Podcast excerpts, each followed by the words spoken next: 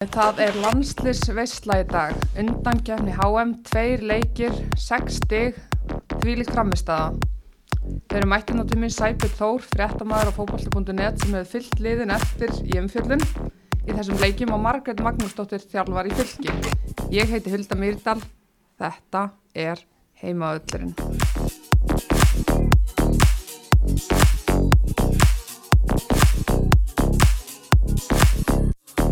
Margret og Sæbjörn, velkomin til mín. Takk fyrir að fá mig. Hvað segir þið gott í dag? Ég er bara mér svo kátt ána með, ána með þessa leiki framistöðunni á starfbólum Já, bara allt ljómandi, miklu betra viður í dag heldur en gær og allt í sóman, sko. allt er góði Þú rætti mikið við Steina, er það ekki um veðrið í þessum leikjum? Jú, það er svona, það er svona okkar þing bara. Það er bara mýtli mín og steina, sko. Og svo fá allir að lesa um það. Já, þetta eru skemmtilega fréttir. Mm. En hérna, e, þetta er undankefni HM. HM fyrir fram 2023 í Ástralíu og Nýja Sjálflandi. Mm Uh, Ísland hefur aldrei komist á HM, fjóru sinum á EM, en kannski byrjum þetta bara að byrjunni. Dominos getur ekki beðið eftir HM 2023 og þau stóðu sér frábærlega í þessum tveim leikjum allavega mín megin Mm. þegar ég þurfti að ná mig niður eftir leikina og þá erum við hérna líka með, hvað erum við, ostagott og þetta er ykkur að deluxe bröðstangir, magga Mm. tegður í aðra en hérna ég fór í Hraunbæ áðan og svo var spennt fyrir HM 2023 þar og hún er hérna er með spurningu á ykkur, dómin og spurninguna Mm. og hún var ekkert að grínast uh, hún var með tvær reyndar. Mm. hún, hún gati ekki valið. Hérna fyrsta spurningin er hver vann HM 2019 2019, mm var ekki Hollandi? Það? nei, Það var var að kötta þetta út þá Uh, það var edit, nei, það var Holland- band- var bandaríkinu? Já, Holland var í úrslítalegnum, það er töpuð já, Ah. þú varst að hugsa um Já, Evropamestarmótum, það eru hol- það- það eru heimsumstamóti Já, þannig að þú ert með eitt rétt á þarna. En hérna, lið bandaríkjana hefur unnið HM fjórusunum, en hvaða lið hefur unnið HM tvísvar? Þískaland, Brasilia, annarkvort. Þískaland, Þarna. 1-1, bæði með eitt rétt Já, þarna. Það verður að vera úslita spurning sko. Úrslita spurning, við erum komin í bráðabanna. Hvenar var HM fyrst haldið í hvenna knaspinu? Það er allt undir, það er síðasta bröðstangin. Vá, Þetta er rosalegt, sko. Hvenar var það fyrst Mm. haldið? Uss, uss, uss. Segja, Vá, ég vil ekki hljóma heimskulega hérna, sko. Það heyrist í likla bara að gæt. Já, þú veist, Nei, það er svona bláta. Hvenna knaspina er ekki gömul íþrótt. nei, nei, Við áttum okkur á því, þannig að fyrsta HM var haldið, ég segi bara 93. maka, Ger mig enga greið, Ég segi 91 það var 91. Vá, hvað ég er lélur í starffræði. Þannig að ég vann þessa keppni. Já, Þetta klikkaði starffræðin hann, ég það, það, það er allt í lagi, þú veist að Mm, reikna alveg. Já, já. Ég er búin að opna Google og var að fara að skrifa en ég gerði það ekki þannig Ég ætla alltaf að reikna sko með að við að háa meira á fjöru ára fresti þá er alltaf hlauta að vera 91 eða 95 og ég sagði Já. 93 Já, já, já. Það er ekki góðu niðursta en ég var alltaf á réttum slóðum sko. Varst það, Já, mjög, mjög gott. Getur bara einn unni. Mm, já, já, já, þú veist. Það gott að þú vissir þetta sko Þetta var, þetta var vel gert, en hérna, svo fagnar í hraunbæði núna maður. En hérna, byrjum kannski bara, tveir leikir, Tjekkland kýpur, mm -hmm. uh, fyrir þannig leik þá höfðum við náttúrulega tapað fyrir Hollandi 2-0. Uh, Tjekkland búin að gera jafntefli á Holland og vinna kýpur, þannig að það er með fjögusteg fyrir þessa leiki.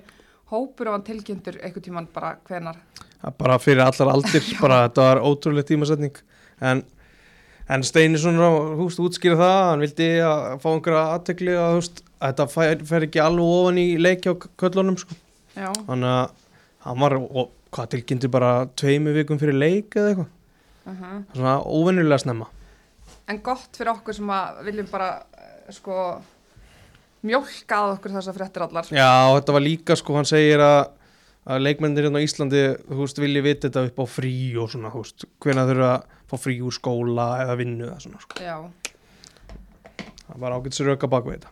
ok, við sættum okkur við það. Mm. En hérna, hópurinn um, var sem sagt, hérna, Eli Metta og Berglind Rós koma inn Mhm. og Ásle Munda er náttúrulega ennþá að glíma við höfuðhögg Mhm. og Andrea Ráns hefur, þetta er út líka, hún hafði ekkert verið að spila með Houston Das. Uh, Eli Metta dettur svo út og Selma Sól kemur inn. Markmenninni bara, Sandra, Cecilia, Telma. Mm -hmm. Voruð þið, voruð þið sammála þessu vali? Fullkona, ég, allavega. Já, ég held að þetta hafa verið eð- eðlilegt eftir, eftir mestaröldina Mm. fyrir, fyrir Telma að koma að inn og, og auður þetta út er ekki rétt eftir Hollandsleikin Mm -hmm. þannig að ég held að það er bara fyrir mér bara alveg eðlilegt sko Byggar úrslita leikurinn líka þarna hjá Telmu var flottur, þannig að Já, það var þarna tveir stóri leikir. Hún var frábær í þessum leikjum. Mm. og bara kom mér allavega svona á óvart bara hversu örug hún var Já, hún er búin að vera svolítið vaksandi á þessu tíðanbili eftir og virkaði ekkert allt og örug svona í, í, í leikjunum þar sem breyðablík var ekki að ná í úrslit sérstaklega, þá tók maður eftir því. en hérna varnamenn í hópnum Hafrún, Elisa, Guðin Játna Glótis Perla, Ingibjörg Guðrún, Sif Hallbjörg og Dag, Dagný. Já hún er nú ekki, ekki varnamaður Sif var náttúrulega líka á móti Hollandi. já já, og að- er eitthvað mínútur. Nei, en já, já, ég átti alltaf að vona á því sko, að hún gæmi inn sama hvort það hefði verið hann á móti Hollandi eða núna í, í haust sko, bara reynslu mikil. með yfir 80 leiki og þetta þú veist, þú rettir við hópin og svona hvernig, hvað gefur Sif liðinu? Bara, þú veist, hún svona heldur held ég svona líka svona utan um yngri leikmenn, svona bara óum beðin, segir hún sjálf sko, sem að og ég trúi því fullkomlega, hún sé bara þarna í klári aðstóð allar sem að þurfa á því að halda og jafnvel þú þurfa ekki á því að halda, það veit ekki að því að þurfa aðstóðina sko, hún er bara klári allt sko. það er ótrúlega, ótrúlega dýrmætt fyrir, fyrir hópin og svona vera að fá svona mikið á ungum leikmennum en að hafa svona leikmenn eins og Sif sem að er, þú veist, að að gefa sér svona aðeim, ég veit ekki hvort þið tók eftir hann í sjórsmunni fyrir leikin að sást þegar hún tók hann utanum Mm mhm utanum Amundu og Peppa hann aðeins svona gaf henni smá hérna Hvað? ég veist hún bara, þú veist hún er bara magnaða karakter að koma tilbaka núna eftir, eftir hérna badnum með 2, 13 mánuðum eftir að badni fæðist og komin Mhm. inn á öll með fyrirlega bandi, þú veist, bara nákvæmlega bara ótrúlegur leikmaður og ótrúlegur karakter -hmm. ég held að sé fullt að stelpum hann að bara ekkert bara endilega eitthvað í landsleginu bara horfa til hennar og, og horfa á þessa eiginleika sem hún hefur og reyna að tilhenga sér eitthvað að þessu Mhm. Þú veist, það myndi stekka alla og gera það á betri, betri leikmannum og einstaklingum sko. Einmitt. Og miðjumenn, það er Gunnhildur Issa, Alexandra Caritas, Berglind Rós og Karolína. Og kannski Berglind Rós, hún kemur átni inn. Mhm. Hvað segir um það? Bara flott allavega mínum andi, hún er að spila í Svíþjóð fítnidelt á meðan að Andrea var oftast ekki í hóp hjá Houston Das þannig að bara svo maður slettið það meikaði bara sens Mm Já, ég held ég að kalla eftir hana eftir. Hollandsleikin að, fá- að fá hana að inn og ég er bara ótrúlega ánað að sjá hana þarna fyrst hún eiga það innlega skilið. Og Steini hefur hlustað og, og ringdi hana. En hérna, sóknamenn, Berglind, Agla, Agla Maria Svendi, Svavarós og Amanda.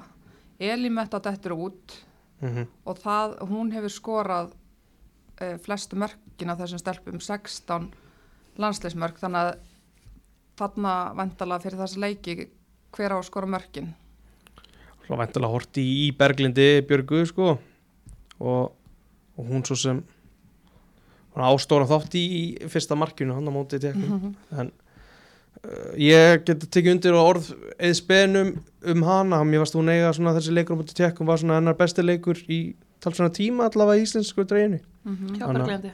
Mhm. þannig að það hérna já, maður horfði í hana sem markaskorur og hún einhvern veginn svona já, opnar markareikningin hana í fyrir leiknum sem að hjálpar gífulega mikið í, í svona jöfnum leik sko. Mhm. En ef við förum þá kannski bara í leikin við Tjekkland, þetta var settur upp sem bara svona náttúrulega þetta er risa leikur við spiliðum við Tjekkland í lok 2018 umspila HM, gerum jafntefli þar grátlegt, komust ekki á HM þetta lið er í 27. sæti á heimslistanum og eins og ég sagði það, hann búin að gera jafntefli á Hollandi í fyrsta leik, vinna svo kýpur, samfærandi þú veist, við erum á leiðin á EM en þær rétt mista sæti á EM eftir að hafa tapað fyrir Sviss í vítaspinnakefni þannig að þetta er gríðalega stert lið og eins og í þessum leikmannahópi Barbara Barbara sem stóði marki PSG á móti breyðablík, það eru þarna konur í Sparta Prag Slavia Prag og já, stór leikur, hann stillir upp byrjanliði Mhm. sem er þá Sandra í markinu. Uh, vörnin, það hérna kom fólki svolítið óvart þar að Guðrun og Glódís standa í miðri vörninu með Hallbyr og Guðni Mhm. uh, byrjum kannski bara á hægri bakvarastöðinni, Guðni spilaði leikina vondi hollendingum, hún er vön að spila í miðverði Elís og Hafrún og Guðni hafa alla spilað þessu stöðu Hva, hvað segja um þetta? Er þetta bara, er hún næsti hægri bakvarður Íslands? Ég held að, ég held að hann hafi sínt að með, með þessum glugga að hann er að, hann er að horfa á hana í þessari stöðu og hann er að, hann er að spila henni líka í gæri að báðarleikin núna í hærbækarnum og setur Elis í vinsti. Hann að mér stáður nokkuð ljóst að, hérna, hún er framtíðar hægri bakvarður í þessu liði. Já, ef að hann á að stilla upp sínu sterkustu ellu þá stillar hann upp guðin í hægri bakveri það er held ég alveg klart Mm Og hérna Guðrún er þarna við hlið Glódísar í vörninni mm -hmm. Uh, kom það eitthvað óvart þegar byrjanlega var tilkynnt? Það kom alveg mér á óvart, sko. Ég björst við bara sömu, sömu vörð, sko. uh, á maður að vera með eitthvað stæla Já, va- hvað er með Já, stafan? ég kom mér ekkert óvart Nei, Nei, bara eins og ég sagði á hann á, á góður einsku það meikaði bara sens fyrir mér Þú veist, þó að Ingeborg hafi svo sem ekkert eitthvað aldrei eitthvað að spila sig úr liðinu þá er Guðrún bara blú, blúsandi sjálfströst, búin að vinna kom, kom, tók skref upp félagsferðli sínum og er komin í meistari. já, mitt komin í Rosengard sem var mistari Mhm. og Ingeborg er bara ekki búin að eiga neitt liðið hennar allavega ekki búin að eiga neitt frábært tíðanbili í Noregi sko. mm þannig að bara klálega það var einhver tími þá var þessi tími sko. Ég sá líka bara hvernig hún kom inn í hennar leik var geðveik í þessum leik frábær, sko. hún var alveg, sko, hún bara mér aðst ekkert smá gaman að sjá þú veist, að hún hefur ekkert verið að spila þannig menn Ingeborg hefur verið hliðan á glóti sig að koma svona inn í leik, þú veist, sem á að vera bara svolítið upp á líf og döð þannig séð, þú menna þeir eru að vinna hennar leik. Bila og sína þessa, þessa framistöðu bara sýnir bara gott svona merkjum hennar hennar gæði og, og hversu, hversu öllu hún er. Mm ég sko ég fylgst svolítið vel með þessu liði svona undanferðin ár og það er svolítið langt síðan að ég man eftir ég að mér fannst einhverju vera betri í vörnin heldur en glótisperla Já. og mér fannst Guðrún vera það í þessum leik En Steini vill líka spila boltanum og það er kannski sem maður vildi fá frá Guðrúnu er, er að bara þessar sendingar út frá vörninni með frá jörðinni. mm. Guðrún, bara hversu góð er hún í því? hún er góð í því, hún les leiki vel og svona úst, kann alveg úst, kann alveg að spila inn á miðju og svo leis en ég búst kannski samanborðið við Ingeborg þá finnst mér það ekkert eitthvað endilega að vera, vera hún hafi eitthvað fram, fram yfir hana þar sko. En Guðrún óbúrslega góð í fótbolta. Bara og les leikin frábælega Algjörlega.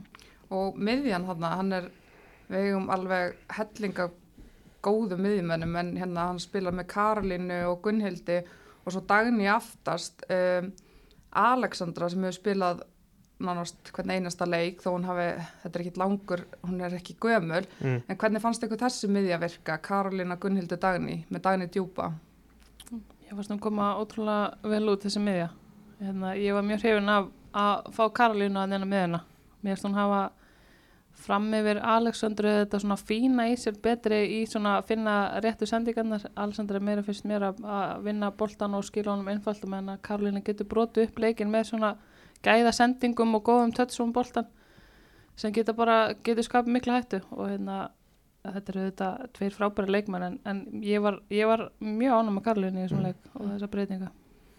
bara tek undir þetta, Karolina var mjög góð og en þessi miðjan í heild hún var kannski svona, hún var svolítið sóknarsinnuð sem er jákvætt finnst mér að við ætlum að fara að sækja og vinna sigur en þetta svona kom aðeins niður á kannski varnar varnar leiknum þó að hafa, þær hafa ekki tvengið eitthvað fullt að dauðafærum þá voru þær að komast kannski full margar stöður til þess að gera eitthvað Já. en Sandra fór bara í markinu og vörnin hjælt vel þannig að við þurfum ekki að kvarti við því sko. Nei. Ég var mjög, ég með svona þegar var held ég svona um kortur eftir rétt áður en við skorum hann að mörgnum með tvö Mm. Þá, þá var ég svona eiginlega bara að býða eftir að þeir myndu fara að skora jöfnumarki sko. þannig að Guðrún á einhverja svakalega tæklingu að bjarga markið hann og síðan skorum við fljóðlega eftir það. En það var einmitt þá sem maður var svona bara að það var svolítið svona hættilegu tímabútur reynir Mhm. með þær hefði ná markinu. Þannig að þetta var ótrúlega mikilvægt að ná öðru marki og svo fljóðlega þrjá markinu eftir það. Fyrsta marki er 11 mínútu og Berglind bara skorar þetta mark, er þetta sjönda, sjönda landsleismark, hann er aldrei áttunda. Já, fær hún að skráða sig? Er það ekki? Mér fannst þetta vera, var þetta ekki, þú veist, þetta var hún. Já, svona, svona samkvæmt ströngust reglum held ég að þetta sé nú sjálfsmark en klálega má alveg, þú veist, ef að ég að fæði ráða hver skorað þá var það hún sko þú veist, þetta er bara þetta er bara glæsilega gert Og Dagni kemur okkur sem í 2-0 uh, eftir skalla fyrir ekki frá Öglumari. Þú veist, Dagni að koma inn núna, hún hefur komið svakalega sterk inn í þetta. Hvað er hann að borða? hvað er hann að gera? sko? það er eitthvað gott í, í, í matnum hann í London sko ég veist það. Já, hún mér ástæðan bara að fylgja eftir þess að leika framistöðun sinna á móti Hollandi inn í Mhm. þessum leikjum og, og bara einhvern veginn já, bara svona eins og ég sagði heldur síðast bara einhvern veginn sjá svona gamla geggja að tætta hjá henni sko Eh, Gamla KFR, Dagni. Vals KFR ég bara þegar hún mætti inn í teig og kemur fyrirgjöð þá er einhvern veginn alltaf líklegt að það sé eitthvað að fara að gerast sko. Hvað er hann hávaksin? veit ekki alveg nákvæmlega hvað hann hafa Er hann 80? já, ég verður glæða alveg öruglega, ég Vel vil það. meira sko allavega, já, þegar hún, hún lítur allavega út fyrir að vera mjög hávaxin þegar hún komin inn í teig Já. verður svona það hafa engin sens í loftinu Nei, akkurat, sko. ætlar að ætlar að klára það sem kemur Mhm. að neins sko Einmitt. Og hérna, það eru Agla Marja, Berglind og Svendi sem spila fremstar. Svendís í þessum leik, hún var náttúrulega bara frábær. mm Hvar myndu þið, ef að þið fengið að ráða að spila Svendísi? á hægri kantinum, Já, það sem hún spilaði í allinu já, ég sem myndi alltaf spila hann hægri kanti sko ekki, ekki að prófa hana fremstaða. Jú, ég það má alveg prófa hana en bara þegar að ég svafa Berglind eða Elín er í hópinu þá myndi ég bara spila hana hægri kantinum ég er það sko já, já, Já. Þú veist, hún, veist, hún er búin að, hvað er hún ekki búin að spila fremst svolítið á Kristjánstad já. Mhm. búin að vera bara flott þar en Og það er kannski með tvo, ef það eru kannski tveir sendarar já, já, akkurat þá hún, er með, með, kannski hún getur Mhm. fengið svona hlaupa bakvið Já, og akkurat, ég er myndi svona þá kannski, þá er alveg spennandi að sjá hann um landsliðinu, Mm. mm. ef það væru eða það væri verið að spila með tvo Mhm. svo, í þessu leikjari þá, þá horfi ég, myndi ég horfa á hana hægra megin sko. Já. Og þú veist, hún var í Keflavík, það er komin sko, þetta er Keflavík, Breiðablík, eh, Kristjánstad, núna Wolfsburg, það Mhm. er komið á hreint. Þú veist, áttu þið vona og gæti, þú veist, þessi skref kæmur svona hratt, þessi framför.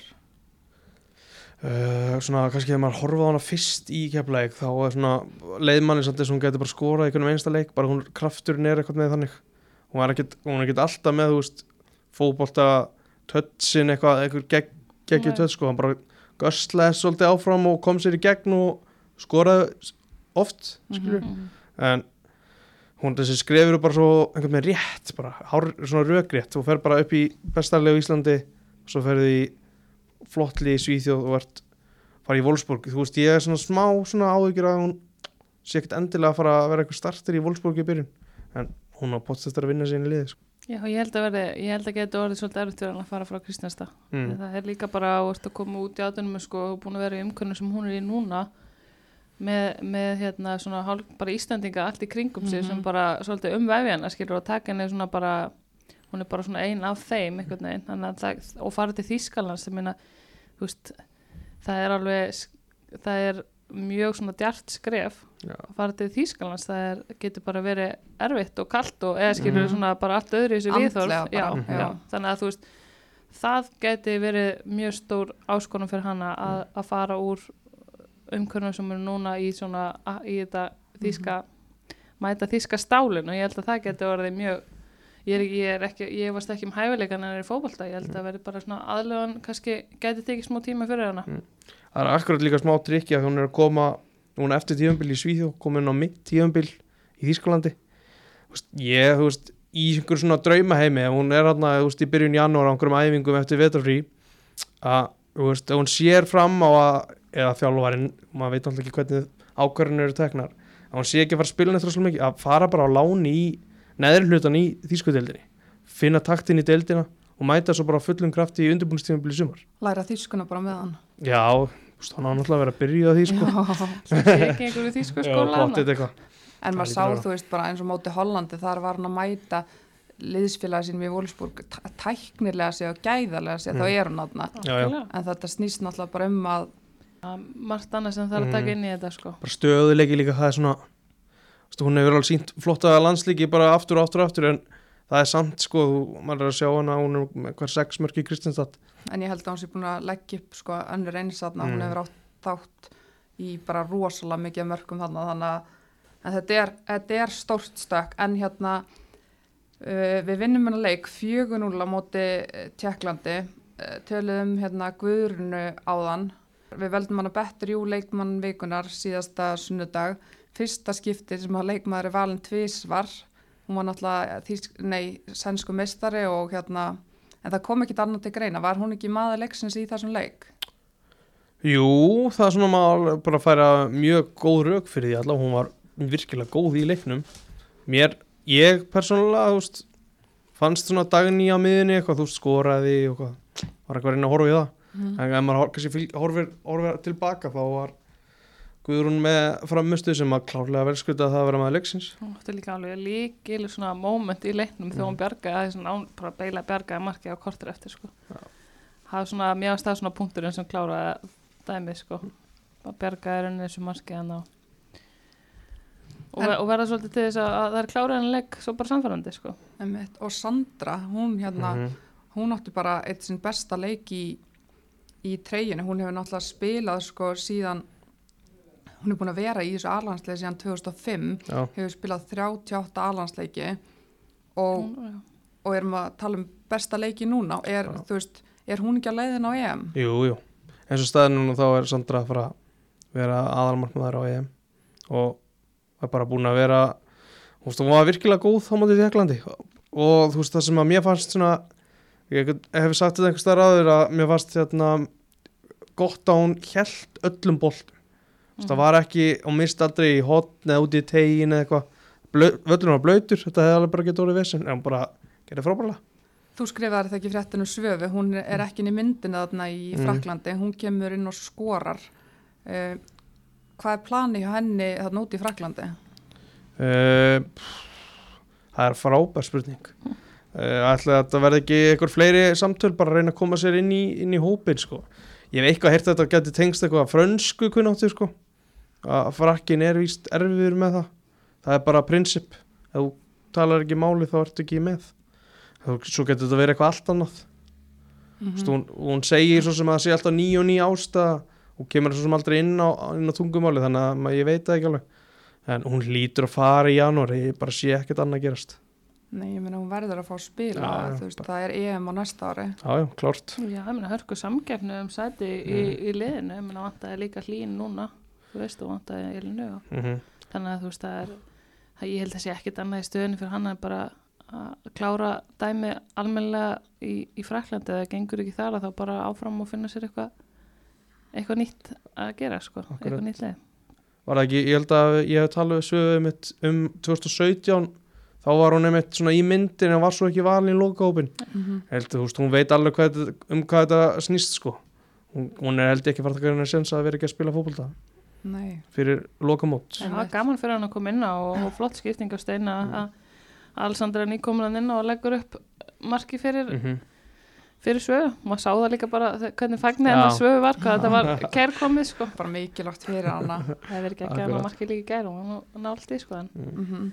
En eftir þannig tjekkaleik þá náttúrulega vinnum 4-0 bara gríðarlega mikilvægur sigur og svo erum við að fara að mæta, mættum í gær kýpur sem að eru í styrkleika, hvar er þar, þar eru 127. seti Mhm. á styrkleika listanum og voru fyrir þennan leik þá voru þar búin að keppa við uh, tapa tvísvar, er það ekki 8-0 Jú. og svo tapa 4-1 fyrir Hvítarúslandi Hvítarúslandi, já, þannig að voru þarna með 20 og eitthvað í á mörk á sig 21 í Já. markatölu skorið eitt mark Já. mátu Hvítarúslandi Já. en þú svona, þú hitti liðið þarna milli leikja og Mhm. svona, hvernig fannst þér hérna Steini gera þetta upp á spennustig og svona að, Sko, ég held að hann hafi gert þetta bara eins vel og hægt var, sko, hann sagði þér svo í gæri að hann gæti ekkert logið af liðinu að, að þú veist, kýpur væri gott fótbollalið og þú veist, hann talar alveg um að hann varnarleik því að það er svo sem ekkert annað sem að kýpur gerir, það eru bara fyrir aftan boltan og aga varnarleikur eða ekki aga varnarleikur, það eru ekki góðar í því og það eru ekki góðar í fótbolta.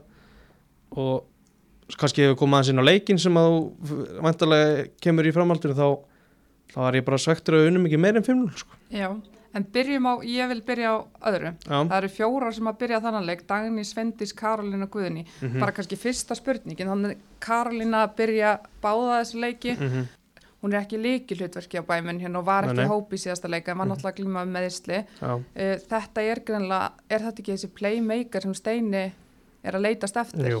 Ég held að Karolina sé búin að spila sig inn í lið inn á miðjuna. Og veist, svona sem fremsti miðjumar, svona creative skapandi eh, miðjumar sem á að svona finna sendingar og snúa með boltan á meðan að Gunnhildur og, og Dagný svona aðeins aftar með yfir sín og, og skila sér svo inn á tegin þetta er bara fremstæðin á Karolina og bara frábær.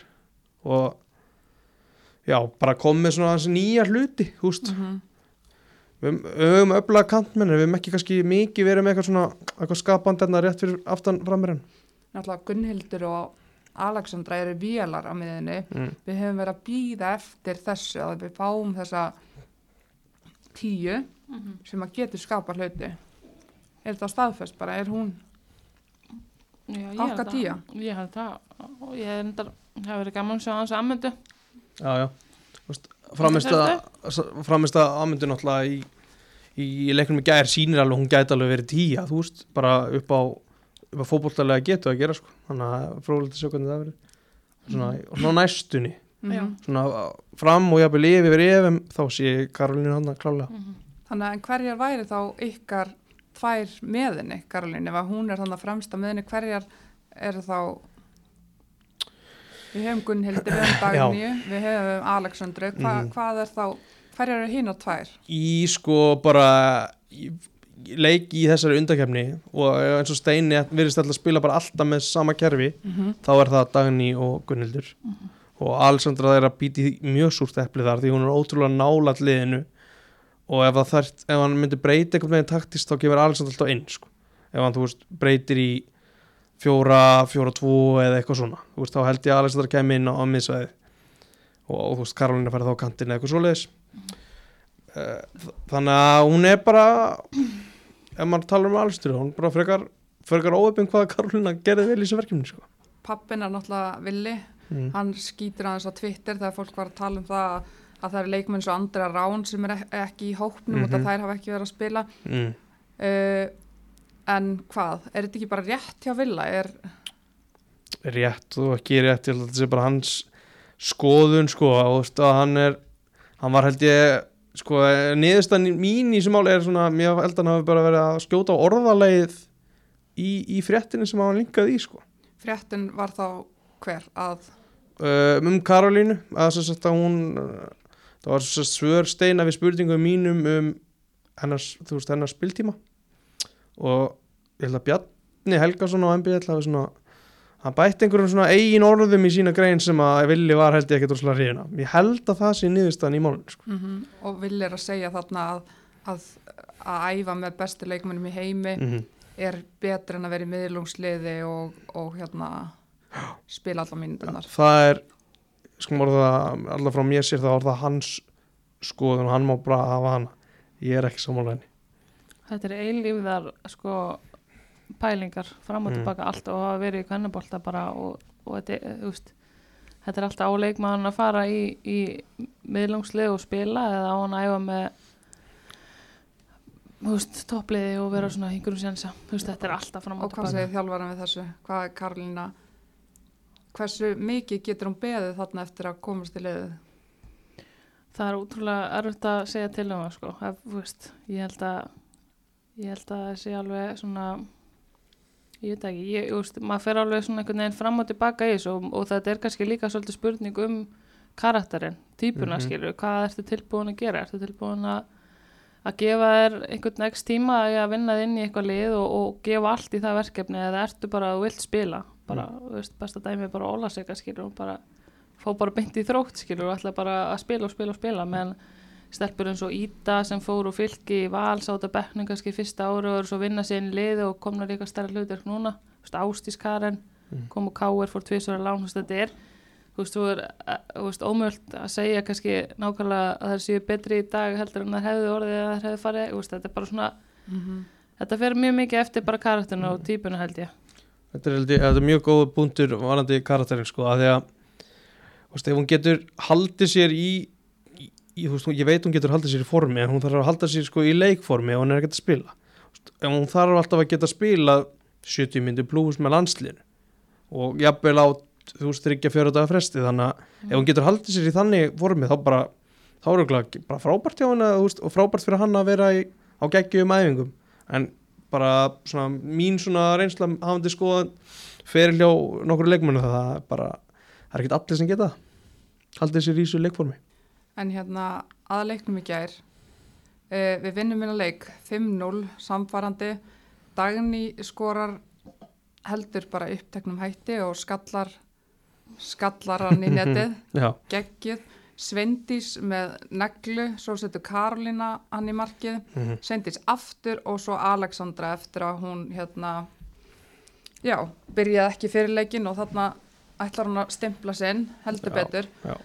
En hérna, vinstri kanturinn, Agla Marja hefur svona verið þar, Mhm. Amanda kemur inn í gær, 17 ára gömul, bara hvað síndi Amanda ykkur í gær?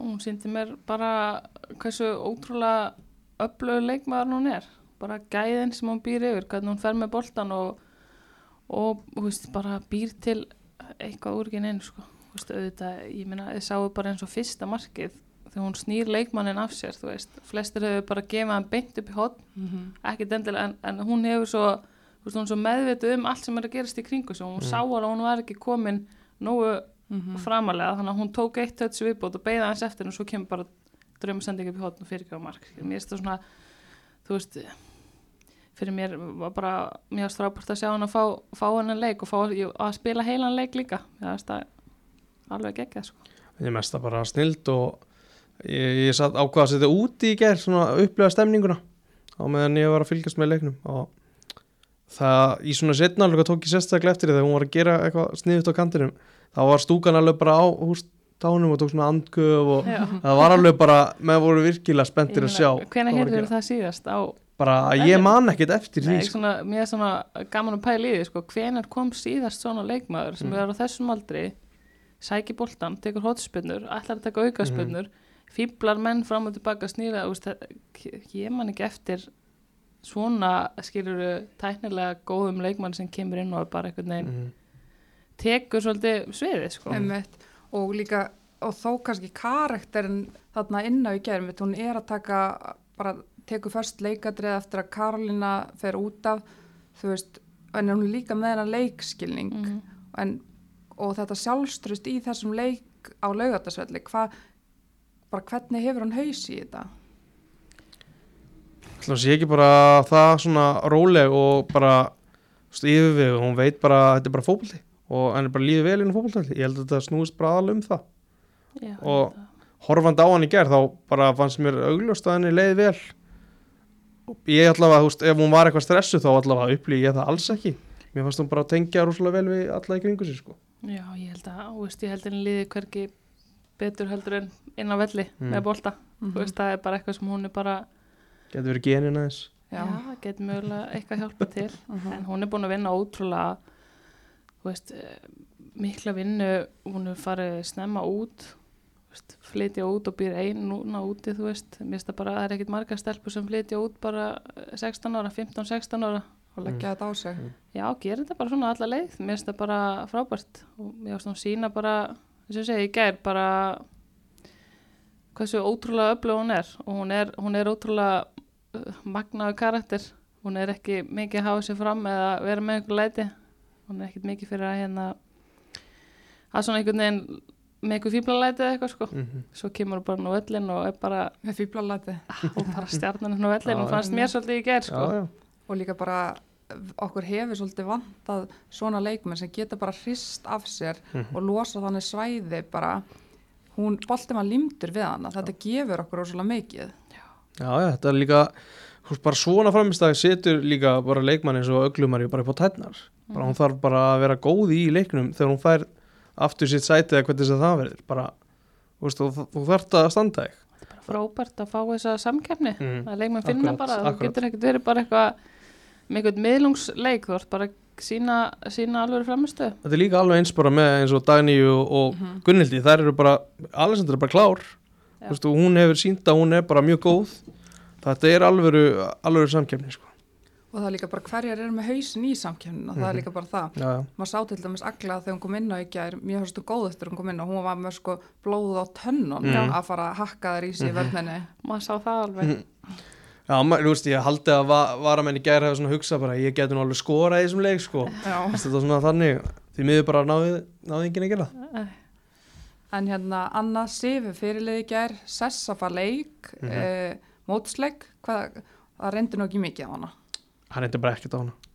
Nei, ég hlaka til þess að sessu fá alveg leik Mm. ég, þú veist, auðvitað er frábært fyrir hann að fá fá leik þar sem hún stendur á vellinum og það er fullt af fólki í stúkunni og hún upplifur svona eitthvað moment og, og, veist, allt það en að fá að, þegar Sessa fær alvöru, alvöru leik ég get ekki beðið eftir því sko. en verður það eitthvað á næstunni?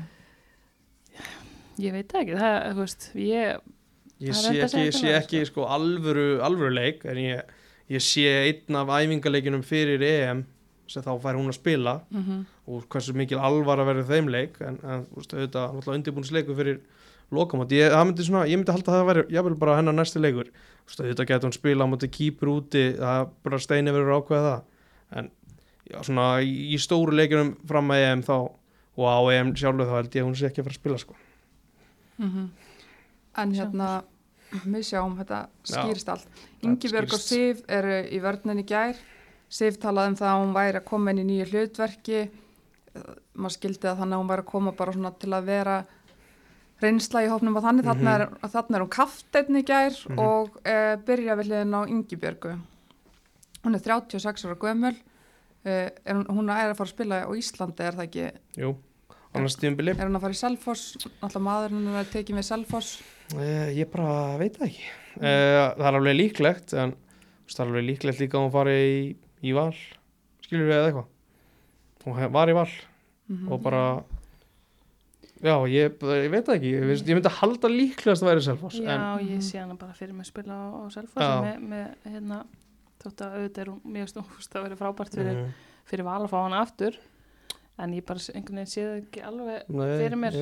sko. að, hérna, að hún sé að fara að vera þar og, og hérna. Og bjössi að þjálfa á Selfossi með fjölskyldun og með alltaf tvö börn að heiðin er löng þegar þú ert með tvö börn örgla já, já, Sif sagði að hún myndi nú ekki já, hún, myndi, hún var ekki að mikla fyrir sér held ég, 40 minna keislu en, en hún er, það er ennú samt alltaf einn og, já, einn og hálfu tími fram og tilbaka þá. Já. Bara- En hún allar á EM.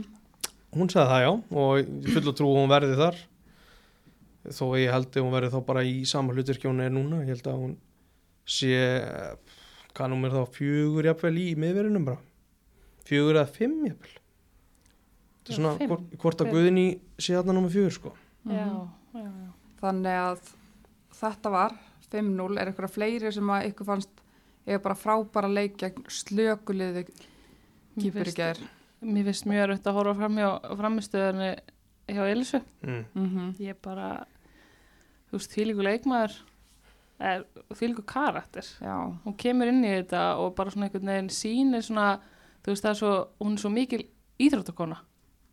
Þú veist, hún fær ekki, hún fær ekki mínútur á móti Hollandi og spilar ekki móti Tjekklandi nei. Rétt. Kemur svo inn í þennan leik þarna og er hent í vinstri bakverðin Á- hún er ekki einu sinni á, í hægri Já, og Elisa kom hann í restir á móti Teklanda þess já, og hún kemur inn á, hún kemur inn á okkur síðustu myndur já, já, svo kemur hún inn í þennan leik. Bara leggur upp þrjú mörg Mhm. hægra og Mhm. vinstra og rassin þú veist bara Mhm. Þú veist, þetta, þú veist, þú þarft þú verður með alveg haus að koma inn í þetta svona og bara, hei, ég, ég ætla bringun úti bara Mm. Já, ég ætla að taka, þú veist, þú veist ekki að vera að henda mér eitthvað í burtu, sko. nei, nei. Mhm. Ég er bara leikmaður sem að vera í þessum hópu og ætla að spila, þú veist, þetta svona, mér finnst hún bara, þú veist, frábær, frábær karakter. Mm. hún er að minna á sig hvað er bara það sem hún átt að gera með að gera, bara frábærlega sko. Já, þú getur eiginlega ekki gert það betur en að leggja upp þrjú og það var eins og hún og Amanda sko hefði þekst alla Mhm. æfi.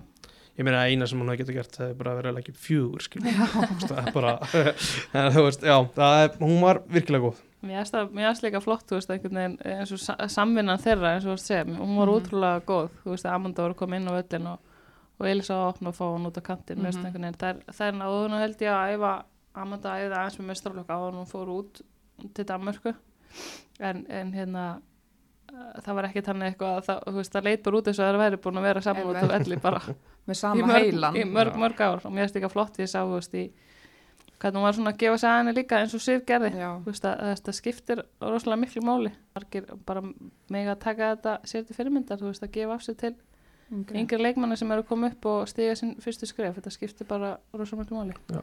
En þarna er vinstri bakvarastaðan sem að Elisa er sett í. Það er Hallberga sem spilaði á móti Tjekklandi. Mm. Við erum með áslegu myndu sem að Mhm. hefur verið þarna í samkefni við hérna Hallberg. Hvernig sjáu þið þetta? Þetta er hausverkur. Þetta er góður hausverkur. Og rosalega mismöndi leikmenn. Hver er vinstri bakvarinn á steina? vinstri bakgrunnu steina er Hallberga Guðni það held ég sér bara klort Mm -hmm. Bara eins og staðan er núna og Og áslu myndi að taka við. já, ég held að það sé nokkur svona borðlegjandi og, og veist, maður vill alltaf sjá þú veist, áslöfu myndi koma inn og, og svo leysa hún, svo er hún að spila kanti á breyflik, ég held að það ekki ekki droslega landsins vænt upp á bakvarastöðuna, það kemur bara ekkert tíðan senna Mm En þá erum við búin að uh, fara svona yfir landsleikina. Mhm. en við erum með á Instagram hjá okkur hraðaspurningar í bóði Nature's Aid. wow. Ef það er eitthvað sem að hérna, íþróttafólk þarf að eiga þá er það rauðrófi hilkin frá Nature's Aid. Ég hef prófað að setja rauðrófi safan í bústið og það er ekki gott þannig að þetta bjargar algjörlega málunum. En ég hérna með datt í huga að bomba ykkur í nokkra hraðaspurningar bara um þetta landsliðsverkefni. já, Það er spurningur um landslýsverkefni. Mhm. Ég var bara stressuð þegar þú byrjaði að tala. Já, en hérna veljum bara ykkar leikmann uh, og þetta er ekkert, uh, við erum ekkert að hugsa. er, er þetta eitthvað keppni eða hvað Nei, þetta er er keppni. Er, er rauðrófi be- hilki í velun? Já, já, já. Ok, þá flott er þetta keppni. Hérna, hvaða leikmaður kom ykkur mest á óvart í þessum klukka? Bara hvað kom fyrst upp? Hérna... Guðrun Það er ég bara- undan, eitt 1-0. Þannig að hún kom ykkur bara á óvart. Frátt fyrir að vera búin að taka móti sænska titlinum og... sko bara framistæðan kom mér óvart ekki það, eins og ég segi hann kom mér ekki óvart að hún hefði spilað en hún tók bara sjansinn og spilaði bara óafinnilega bara át tækifærið. Já. En hérna, ef þið mætti velja einn leikmann í næsta landsleisverkefni sem var ekki þessu og þá vorum við ekki að tala um áslega mynd út og núna hefur það hvað, hvaða leikmann tækið inn í landsleishópi næst? Lín Eiríksdóttir Elmættum. já, vá, heyrðu og ég breyta mínu svari 1-1. 1-1 Það er alveg Já, ég 2-1. klúraði hana Það er enda mjög erfitt að segja sleppa líðin. já, já, en ég er sammála ég, Elín væri efstaflaðið hjá mér líka En fyrir utan þessar sem eru meittar, eða það er bara einhver með við framistöðun Mm. og svona síðustu, Sem er ekki í hópnum. já, sem er ekki í hópnum með við framistöðu, þá myndið þið veiðana næst með. Vá. Hver kom fyrsti? Úf, ég er bara dál. sko, kom upp í hugan Diljá sko hún var síðast samt, gildir Mhm. það eða? Já. Nei, Diljá, það er alveg að, já, það er svona kom fyrst upp í hugan sko svo væri ég sko í, í minni drauma. drauma, að sjá sko, eftir maður sá Karolín spila svona sem hún gerði í þessu verkefni, ég var alveg til að sjá Ídu fá sensin hann sko. hún er líka með svona faktor í tíunni sko, að, X-faktor. já, sem að ég var alveg til að sjá en þú veist Mm ég er fyrst ólíklegt en það er sjátt En vandamáli við þetta að það þarf alltaf að taka eitthvað leikmann út. Það er, Já, það er stóri langt í svona einhvern veginn, þú veist, mér finnst þetta einhvern veginn vera bara svolítið hópurinn, Mhm. þú veist, og svo eru svona, þú veist, mér finnst ekkert einhvern veginn rosalega margir komið til greina að geta Mm hent einhverjum af þeim sem eru núna í burtu. Nei, við erum að tala um að þú veist að Selma Sól kemur inn út af meðslu meilinar, þú veist það er bara skipting út, inn út sko. Þú veist, maður sér þetta eitthvað með svona þannig fyrir sér, þetta sé frekar augljóst, Já, svona tvær, þrjár sem eru aftast, þú veist Berglind Rós færi út, kemur inn eitthvað hann svoleiðis. getur fært þetta bara Já. til með þannan hóp. Já, svo ertu gaman. bara með, þú veist átján sem eru bara með fast sæti. Já, spurningunar hvernig hérna Olla geti dottið inn í þetta? Ef hún á, annað, annað hérna, annað gott tímbil en þetta er svo einmitt, þetta er er þetta landslið núna ekki sterkar en þetta hefur verið bara síðustu ár? ég held að það sé engin spurning sko. Jú. við erum með rosalega, við erum með marga leikmenn sem eru að spila, ég meina, er ekki bara Elisa og, Sandra, og Sandra sem að spila heima? Ha- Hafrún Rakal og Aglamar er náttúrulega Hún er- já, það er, já, það er hún alltaf í allan að þurfti að vera að spila á, æfa áfram hérna Elisa og Sandra með Mm. þróttu og breyðablík Mhm. já, já. eftir tímbili en, en hérna mér er svona mér er alveg magnað að sjá hvað þeir eru búin að taka miklum framförum á svona stuttum tíma Alessandra, Sveindís Karolína, já. stöður stelpur sem voru í, í U19 Mhm. fyrir nokkrum árum og, hérna sjá hvað þeir eru komna hérna í langt Hvar, þú veist, er, hvar eru Sandra og Elisa búin að vera að æfa? það, ég held að það hefur þurft að æfa bara með hérna breyðablík eða þrótti Já, ok meðan að þess að þegar að já, eftir tímbili hjá Já, það meikar alveg sæns sko. já, Já. ég held að En hérna, Steini tók við í um áramótin, hvað hefur komið ykkur svona mest óvart eftir að hann tók við? Lítill áhuga hans á veðrinu hefur komið mér á óvart. Fyrir utan það, ég veit að það, lítill á höfuðurinu Mm, fyrir utan það, bara í, um, bara Já, ekkert, eitthvað sem hefur komið eitthvað massíft á óvart sko. Þú með eitthvað? Nei, mér, mér er stann bara svona töffari, ég skil, mér Já. svona bara grótarði, bara ekkert Mhm. rugl og bara svona eh, einhvern veginn bara, já get ég hvort það hefur eitthvað komið endilega eitthvað á óvart Nei, hann er bara mjög lítið svona einhverju leikþáttum á fundum bara allavega sko. með þetta byggustu við að væri svona mikið með þetta líka í landsliðinu? ég var, sko, ég, ég man alltaf eftir ég átti hérna samtali fandis eftir að hún kom í val og við vorum eitthvað að að spjalla svona og hún sagði að það er ekkert kæfta hjá Steina veist, og, og fandis vill stundum hafa skoðanur á hlutunum sem bara gott að Mhm. blessa og boltin inn á og út á en hann, hún ætlaði eitthvað að taka hann og segja hann að boltin hefði ekki verið farin út af einhverju spil og hann sagði hann er bara einsanlegast að já, mm Hann Þú veist, ræður. hann ræður bara, það er ekkert eitthvað bull sko, það er bara Mhm. hérna, hann stjórnar og þá var líka bara strax bara, heyrðu, ok, þú veist það er komin einhver gaur Mhm. hérna sem ég er ekki fara að hérna, Fýblast í. mm. fýblast eitthvað í og halda að ég geti stjórnað einhverju, Nei. svona, að- búið sem hérna- ekki Akkurat, fyrst þú nefnir þetta og ég held hérna á mæk og er tilbúin að spyrja eitthvað spurninga veist, að, að þú kemur inn á Fantasy hún er alltaf er að koma tilbaka svo erum við að tala um Söru Björk við erum að tala um Söndru veist, er, veist, eru fleiri en Sara að koma inn í hópin fyrir EM eða erum við að, að sjá hvað svo leysa mér finnst alveg, þú veist það ég- erfitt Já. mjög erfitt, Já. mér finnst það bara einhvern veginn hópurinn er það ótrúlega sterkur en, en svona með við ég get alveg, alveg þú veist, sé fandisi fyrir mig koma inn í enn hóp mm. Mhm. alveg, alveg svona þú veist, það er líka bara að horfa í reynsluna og þú veist, vægi þess að hafa farið á þessu mót það er útrúlega mikilvægt, ekki bara það að vera góð með boltan og flink og Mhm. geta hlaupið rætt og, og sóla marga, þú veist, að vera vera karakter og hafa reynsluna og allt þetta, þú veist, það má ekki einhvern veginn mm. horfa fram hjá því Einmitt, hún Nei. veit hvernig á að pakka í töskuna Já, fyrir já, þetta og akkurat. veit hvað býður þeirra og þú Já. veist, hún hefur gert þetta og það sem hún síndi í sumar var náttúrulega bara, hún getur gert hluti bara upp úr engu en það er svo, þetta var Pepsi Max-deld en svo er það landsleis mm en ég held að hún spila aftur fyrir landsl Já. landsliði, Já, það er ég held að það sé alveg engin Mm. spurning það er bara, já, það er bara spurning hvenar ég get alveg Já. sé að þetta geti alveg verið bara ákverðin sem að steini þarf að taka bara er vel á hópin, hvort ætlar að taka amundu upp á framtíðina eða ætlar að taka Fantasy, bara því hún kann Já. þetta sko með að við hvernig Amanda stóð sér í þessu þá er hann örgulega búin að pakkin í töskuna það er bara, svo er Ég- það líka sko það. þú veist, það er bara, þá er einmitt leikmenn hann sem hafa verið fastir í Já, já. hópnum sem eru þá að fara kannski ekki á EM Já, þú veist, það- það er ekki þetta verður al, sérstaklega, þú veist, líka eins og við erum að tala um svöfu Rós, og þú veist, því að hún er hún er kannski ekki í okkar sterkasta byrjunarli hún veit alveg að þetta er staðan, sko, Mhm. að það er alveg leikmann að banka, Mhm. þannig að hún þarf alveg að vera á góðu skriði, sko. Mhm. en hérna, hvað er svona fyrir ykkur þarna, ef þið eru að horfa á þessu leiki og, og liðið er 5-0 undir, hver þarna inn á, þetta er ykkur fyrst í sem getur öskrað á þar og fengið það til að trúa því að það getur jafna leikin. Já. Að við erum sérst 5-0 undir í Þeir eru leik 5-0 undir og hver í liðinu Hver í liðinu. gæti bara fengið ykkur til að trúa að þið gætu jafna leikin. Bara hver haldið það sé þessi típa í liðinu, þessu, úr þessu byrjunlið. bara þessum hóp.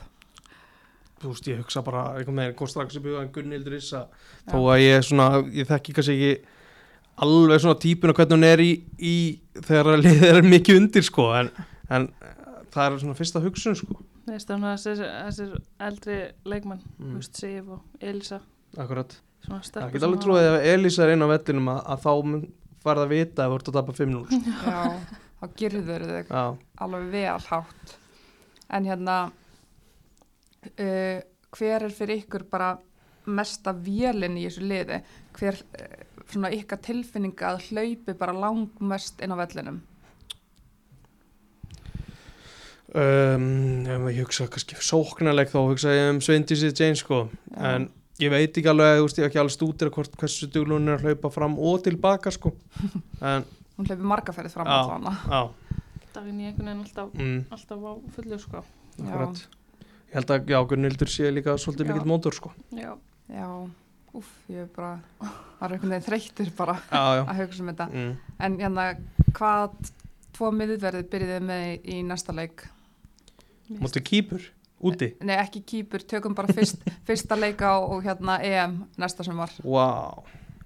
Hverjar eru tvær þar? Miða við þetta já, eftir verkefni. leikinu mótið Tjekkland þá myndi bara velja Guðrúnu og, og, og Glóðisverðli sko Já, 100%. Já, bara því, þú veist ég, skil- það er alveg því ykkur er klara, fyrir, fyrir segja. Ingibjörgu skilur Það var mjög auðveld spurning. þetta er bara, já, svona sér maður þetta bara hver haldið í þessu liði, þetta er náttúrulega allt styrlaðir íþróttum, en hver er haldið að sé svona með mest upp á tíu allt utanvallar, fær nýju tíma svefn og er að taka vítamin og er bara alveg, Elisa? já, ég hugsaði líka hún er bara okkur öðru leveli. já, og svo hugsaði ég ég held, grunin eitthvað að Karolina sé líka svona nó, eða, þú veist, líka, Já, held að sé já. nú flesta já, en er ég hugsa, hugsa þú veist, eitthvað bæjan skipulega síðan að svona og líka, veist, Glótis hún er orðin einhver mammennar hann úti og segir henni bara svo hver hún á að fara að sofa sko. En Sessa? Já, ég bara þekki típuna ekki mjög mikið sko.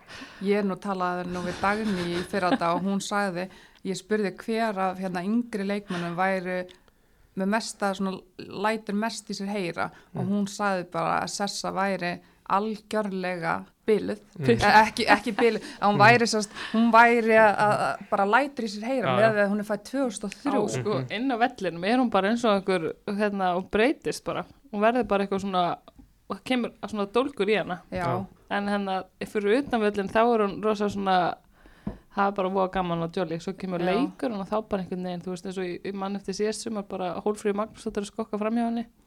Og hún vandi að reyma fyrir hana hérna skóna, Mm. fyrir sessu. Hún bara smelt fætin fyrir fram hana. Létt fríður reyma. Já, við vorum líka, það voru allir bara, létt hún fríður eima skona fyrir sér, hún var bara eitthvað, var eitthvað einn fyrir mig skona. Já. Þú veist, hún, er, hún verður svona, ekki eitthvað töffari, Mhm. sem er, þú veist, það hefði enginn gert þetta og fríða hefur ekki reyma fyrir hvern sem er, Marga, sko. einmitt. Þetta er vel Það gert sessa bara. að koma líka inn í þetta landslið og með allar þessar kempur og segja þeim bara, bara til og þetta Já, þarf markmaður að hafa Þetta er það sem hún hefur, sem að gefur henni ótrúlega mikið og hún Mhm. er bara, hún er ótrúlega svona magnaður, hérna, svona leiðtói, að því fyrir Mhm. utanvöldin eins og ég segi, er hún svona, jolly og stutt í gríni og svona og svo kemur leikurinn og þá er bara, hann er sko að passa sig. en hérna, hver haldið að hafi árið, áritað flestar treyjurnar eftir leikin þú talaði um það, þú varst þannig gær hvernig var þetta?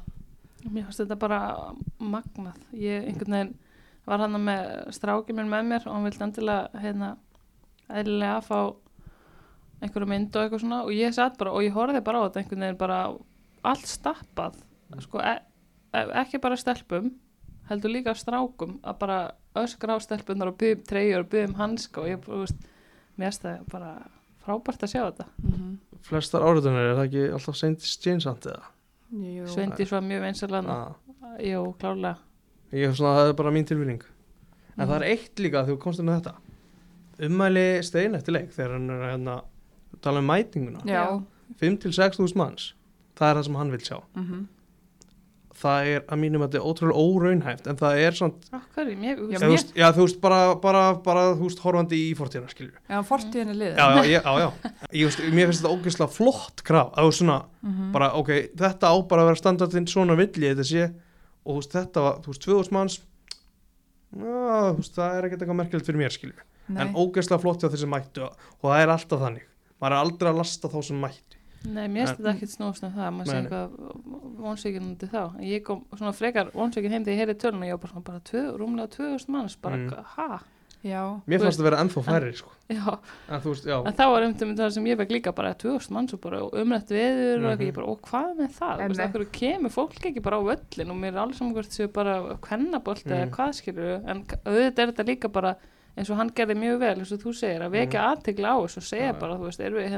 að mm. ég vil, þú veist, akkur mæti ekki? einmitt, Mhm. og hann segir líka bara með að við hvað þessi leikmenn eru góðir já, já, þá er bara það, það, þú ætti bara að fara á völlin og njóta já, já, Mhm. bara og þú klálega veist 5.000 manns, mér finnst það ætti að vera bara krafa miða við, við erum með þú veist, Svendi Stjein, hún er einn efnilegasti glæð, þú veist, í Evrópu, Mhm. í heimi Heimi. þú veist, Glót, Glótis Perla í bæja munn hér við erum með bara rísa nöfnarna sem eru geggjaðir í fótbolta. Mhm. ég meina það mætti þúsund manns í kringluna að, að hérna að láta Sörubjörg árita dót. Það var reð út kringluna. Mhm. þú veist það eru bara, það þarf líka bara að kveikja á fólki. Það er bara, þú veist, það þarf að auglýsa þessa viðburði bara ótrúlega vel, bara það segir sér sjálf svo þarf ég mitt, eins og, eins og þú segir bara kveikja áhugan á þessu. Mm -hmm. þú veist, fjölmiðlar gera bara sitt Mm en það þarf líka, þú veist, knarpinu sambandi þarf líka að vera miklu sínilegra kringum þessa leiki vekja aðteglásu, þú veist, jafnvel vera að bjóða fríkt fyrir krakka, ég veit ekki hvernig þetta er sko, já, já. en þú veist, og svo er bara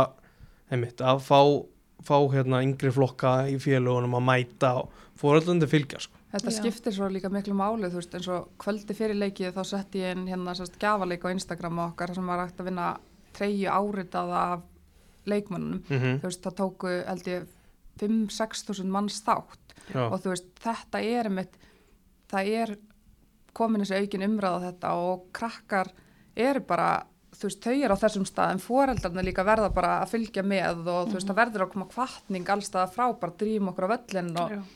og hérna af hverju líka það ætti að drífa sig. mm En já, algjörlega, ég held að sé líka bara, þú veist, að að það líka finna, eins og segja, bara leiðir til þess að koma, gera þetta sínilegar og koma fólki á völlin þannig að sé bara, að það er ekki svona sérstakt að þessi fullu völlur heldur að það sé Mhm. bara svona, það er bara svona, já, já, auðvitað og, með, og þangað til, að, þú veist, að við erum að komast þangað, það þarf bara að vera, þú veist, og það þurfa allir að taka til sín, ekki bara að segja bara, hei, þú veist, fjölmjöla, þið verða að gera meira af þessu eða Mhm. hvernig það er, þú veist, að, þjálfarni þarf að einmitt að láta í sér heyra líka, leikmenn þurfa að taka til sín líka og það Mhm. er einhvern veginn allir að fara bara á sama stað í þessu og bara leggist á eitt til þess að fá, var það ekki þegar Sigur ekki var með liða, þá fylltu þau völlinni í fyrsta Mhm. skipti og þá var það svona eitthvað yfirlist markmið Akkurat. og allir voru einhvern veginn svona bara að reyna að hjálpa til við að, Mhm. Að ná því En svo líka bara það, þú veist, eins og þá, þá var þetta kannski meira, liði var fótboltalega síðan kannski ekki alveg á þeim staði núna, Mhm. eins og tækninni meiri, það er bara, mér finnst skemmtilega að horfa á liði í dag, Mhm. þannig að þú veist, þetta er líka engin góðgerastar sem að mæta á leik, skilur, þetta er bara orðið sjúklega skemmtilegt Já. að horfa á að spila, Algjörlega. sjá Svendis og Amandu Mhm. tæta, bakverðinni liggja örugglega ennþá neður að leiða þessvellir, sko, eins og keilur, þannig að þú veist, þetta er bara upplifin og þá að vera Mhm. upplifin að fara á leik. Ég slíka bara eins og með, vera, vera með hérna, börn og fara með, þú veist, ef þú átt unga fótboltastelpu eða fótboltastrák, Mhm. alveg saman hvort það er að, að hérna, eða hvað er að, að mæta og þú veist, leifa þeim að horfa og leifa þeim að sjá þessar fyrirmyndir og upplifa stemmingun, að þetta til dæmis bara, nú er ég að þjálfa hérna sjötfólk líka, veist, þetta kveikir áhugan hjá þeim að sjá Mhm. þessa fyrirmyndir og svona bara finna einhvern veginn svona fyrir þú veist, koma þær á næsta áhengu og eru bara eitthvað búin að Mhm. þú veist, ætla að verða eins og þessi eða, þú veist, þetta er ótrúlega Mhm. dýrmætt það er bara svona því að ég byrjaði þetta mjög neikvæður sko, sagði þetta að vera óraunhæft Nei, já, það er hérna, það er bara að út frá, út frá tölunum skilur. Já, já. Já, þetta, hvernig þetta hefur verið og líka, þú veist það, því þetta var ekki undirbúið það heyriðist svari hjá Steinar sko, því að, að Alexandra er auðvitað bara heimilifandi með að sé veist, verið, að sé stuðningur í stúkunni og mm Mhm. sé sérstaklega að sé sko ekki bara stuðningur að það sé verið að það er alveg lög í sér, gangi já. og vikingaklappi og eitthvað svona eitthvað sniðið sko Mhm. þú veist ég hefði fyndist eitthvað með svona ég hefði ekki sagt óreifnaft ef að Alessandra hefði líka verið að bara, er við viljum fá já, já. 5-6 sko En það er auðvitað eitthvað sem að steina á líka eftir að koma já, inn á bara við þær, bara heyrði, við bara gerum þessa kröfu. mhm, En ég minna þó að hlutinnar hafa ekki verið svona, ég minna, þú veist, fólk hlóa mér þegar ég sagði að ég ætlaði að taka Líontrein í sölu, skilur, með því að markasetja þá seldist Jú, jú. 160 treyjar á tveim dögum. akkurat. Þannig að þú veist, með því að fara í markasetning og bara vinna að þessu, Algjörlega. þá gerast hlutinni. Þannig að, ertu ekki, ertu ekki búin að breyta um skoðun? Jú, jú, þetta við getum þetta alveg, Við erum búin að snúa um aðeins, margar hengi. það er mjög, orðið mjög raunhæft Já, þetta er, en hérna, uh, kannski bara að lokum HM haldi í Ástrali og Nýja Sjálflandi, uh, 32 lið sem fara HM, Mhm. vinningsfjög er komið upp í þú veist 60 miljón dollara, þetta eru komið svakalegi peningar í þetta. Uh, við erum núna í öðru sæti með 6 stig, Holland er búið með fjóruleiki með 10 stig, en svo erum við og Tjekkland þarna að berjast, öruglega mun vera þannig berjast já. um, um þetta annað sæti um, þú veist, við erum að fara að spila tvo leikin Hvíta, Rúslandi og Kýpur eru ekki að spila bara einn, ég held það er ekki bara kýpur svo Já, hvítar Úsland í já. apríl Já, já. þannig. það er bara krafa á, á Er þrjú það stig ekki bara jú, jú. þrjú stig í þessum leikjum og líka, já, bara hvítar Úsland og kýpur alltaf þrjú stig ef við vinnum svo í Tjekklandi þá erum við að fara í úrstæða leik á móti Hollandi. Já, um að vera enda í efstasæti það er það sem Steini er búin að vera að tala um núna, að vera í þessu svo, svo kallar bílstjóra sæti. Og þú veist, það er ekki óraunhæft því að áðan að vera óraunhæft eitthvað mm að, að þú veist vinna þessa leiki. Leikurinn gegn Tjekklandi svona fyrirfram er alltaf erfiðasti leikurinn fram að Hollandsleiknum. Þannig að það er krafa að vinna Kvítarúsland heima og heiman kýpur úti þá ertu að setja hann að leika mútið tjekkum upp sko einmitt Það er bara drauma staðan. og þannig viljum við hafa þetta Já. og sjáu þið ekki líka við erum með hennar leik, við erum setni leikurinn gegn Hollandi fyrir leikurinn náttúrulega var 2-0 en Mhm. þá erum við liðið búin að spila sér betur Já. saman þá og í mér finnst þau að sko fullan séns mm Mhm. móti Hollandi að fara að beinta HM ég held að, að Steini hafi líka séð svolítið mikið hvað, hvernig hann getur unni Holland mm bara svona hvað hann getur svona aðeins tvíkað í taktikinn og svona -hmm. bara að spila á mótið þeim, sko. Mótið góðu fótballtali Hvað er þetta ekki, september 22? já, tökum daginn frá já, já Nei, það er Hollands. út Já, við verum örgulega jörðuð hérna fyrir að vera komin sko langt fram í tíman og búin að vinna Hvítarúsland og Kýpur og alla aftur en þetta er bara Það er bara krafa að dreyma bara og sjá Já, já, þetta fyrir sér að þetta gerist. Já, ekki að varnarleikur verður, hann mun ekki virka fyrir mig fyrir næsta leik á mútið kýpur. En hérna um, í lok hvers þáttar þá veljum við alltaf heklu þáttarins.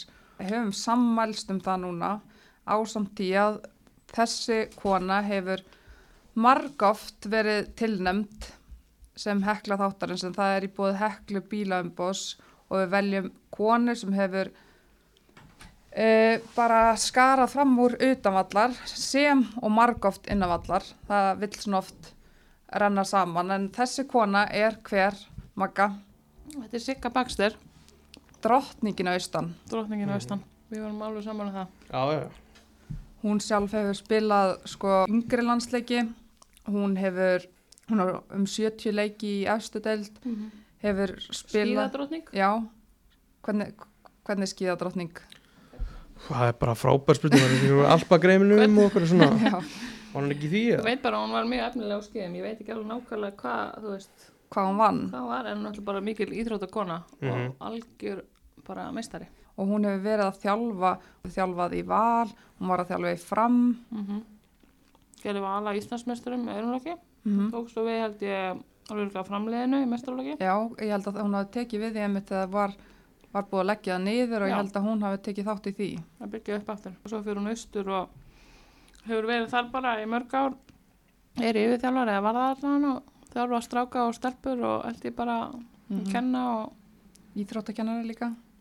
allt á hennu manna mitt eftir því ég held ég að við kæft á mótið þeim alltaf fyrir austan, hún var sjálf að spila einmitt bara, ég held hún hafi verið að þjálfa og Já, spila já. allt í öllu, Mhm, ég talaði mitt, talaði við Magdalenu í sem er í Selfossi fyrir Mhm. tímabilið og hún talaði mjög fallega um Sigur Baxter. Já, var að segja hún hefði já, kent sér bara nánast allt sem að var hægt að kenna, þú veist þannig í, fyrir austan sko, áður en hún fór í Selfoss Mhm.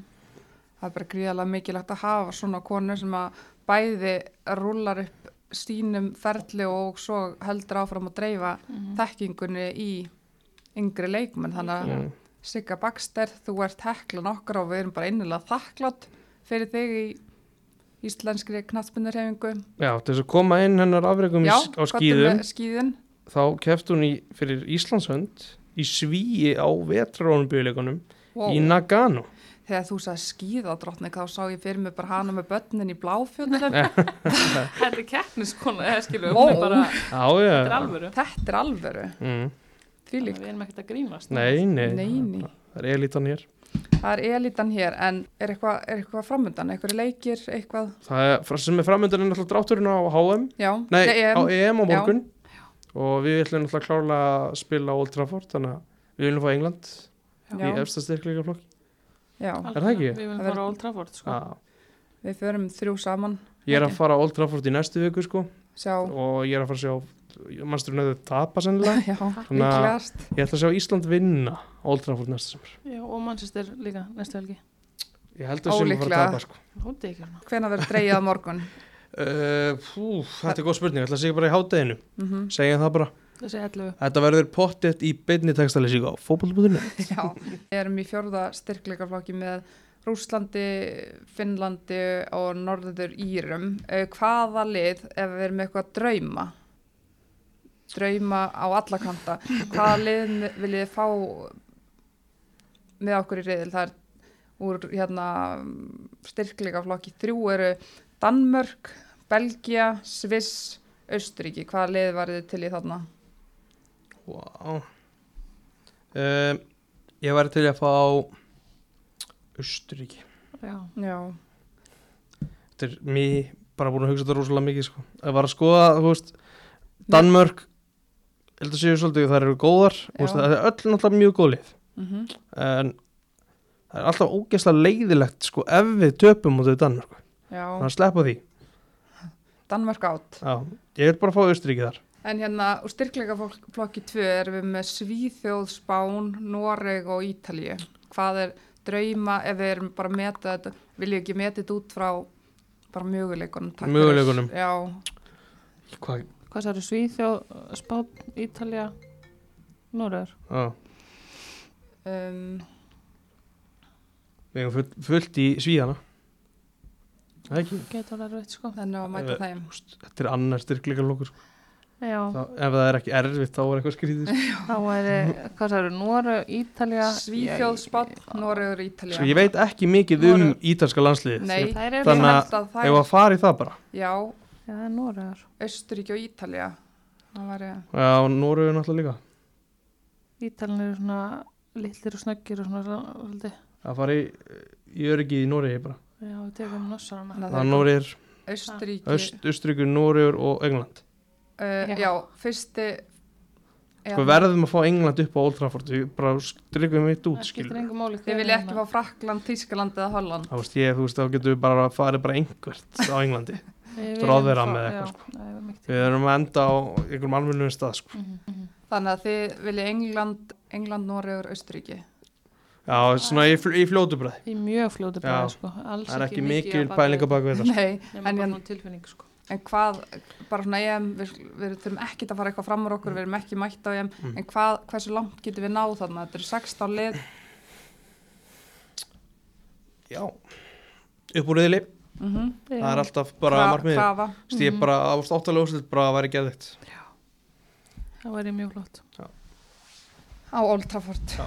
Hérna, en eitthvað að lokum vil ég koma ykkur, Nei, bara að mistradöldin að fara að byrja aftur hjá breyðabliki Það Mhm. stýttist í það Þriði að umferðin mm og það er bara fjör, Líf og fjör. lífufjör líf og fjör, heiðu, endum þetta svona, bara takk hella fyrir að hlusta og endilega fylgið okkur á Instagram heimaöllurinn. Er þið ekki að fylgja? Jú, jú, alltaf Takk fyrir okkur. Takk, takk. Takk.